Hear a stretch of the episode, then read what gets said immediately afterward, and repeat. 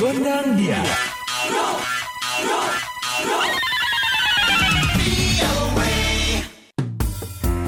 Halo halo Sobat VOA, kembali hadir VOA Gondang Dia bersama Dewi Gemini. dan Ronan DC pastinya dari Washington. Sobat VOA, kali ini ada obrolan bersama Mary Salmeri, diaspora Indonesia yang tinggal di kota New York.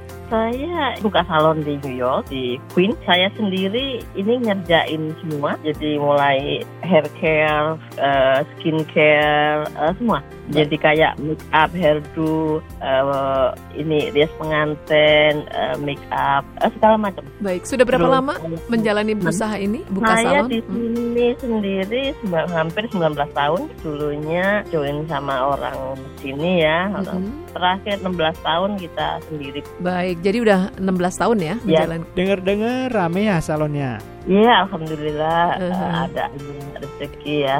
Kita juga beberapa yang kerja ada 10 orang lah, tapi sebagian part time doang. Wah, besar juga ya salonnya. Itu eh, pegawainya ada orang Indonesia juga? Ada orang Indonesia, dulu full time, sekarang part time. Terus orang Filipina, orang eh, apa India, Bangladesh, eh, mix ya, sama ada orang Dominican, you know, Ecuador.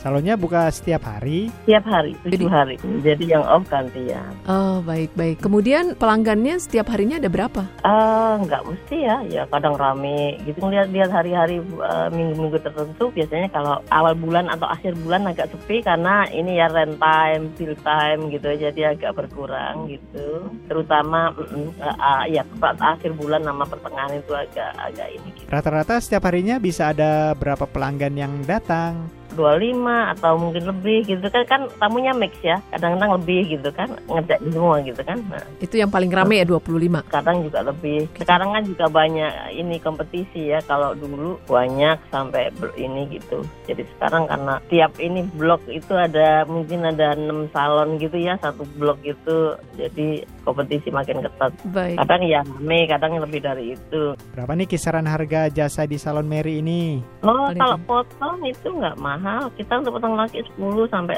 15 Mm-mm. Kalau untuk potong eh, kalau untuk potong perempuan antara 17 sampai 30. Kita kelasnya bukan kelas yang high class ya, jadi di lingkungan medium ke bawah. Oh gitu. Kalau facialnya 45 60 Baik, jadi yang paling murah adalah eh, 10 perawatan ya cuman potong laki ya. Iya, 10 10 12. 10 dolar terus paling mahal apa tuh? Paling mahal ini ya kayak perawatan muka atau straightening rambut. Oh, itu berapa? Mungkin itu sampai 200 atau 250 mungkin lebih itu kalau perawatan rambut yang kayak Japanese straightening atau keratin gitu kan. Oh iya. Ini Mary kerja di salon tiap hari. Ha- Ya hampir tiap hari, cuman saya juga sering ngambil off ya kalau pulang ke Indonesia kadang-kadang lima minggu, enam minggu gitu. Wah, puas dong Kalau ya.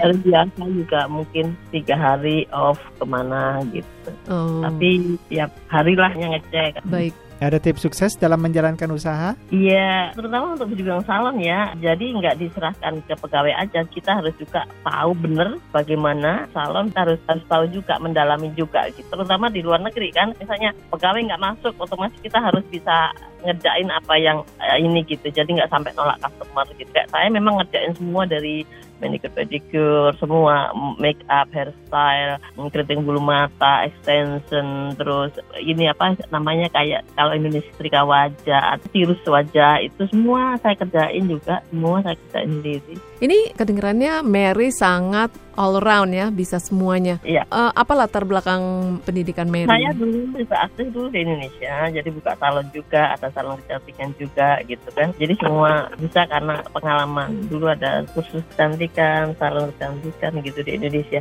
terus di sini juga sekolah lagi Baiklah Sobat VOA, semoga obrolan hari ini bisa bermanfaat ya. Kita pamit. You, dadah. Bye-bye.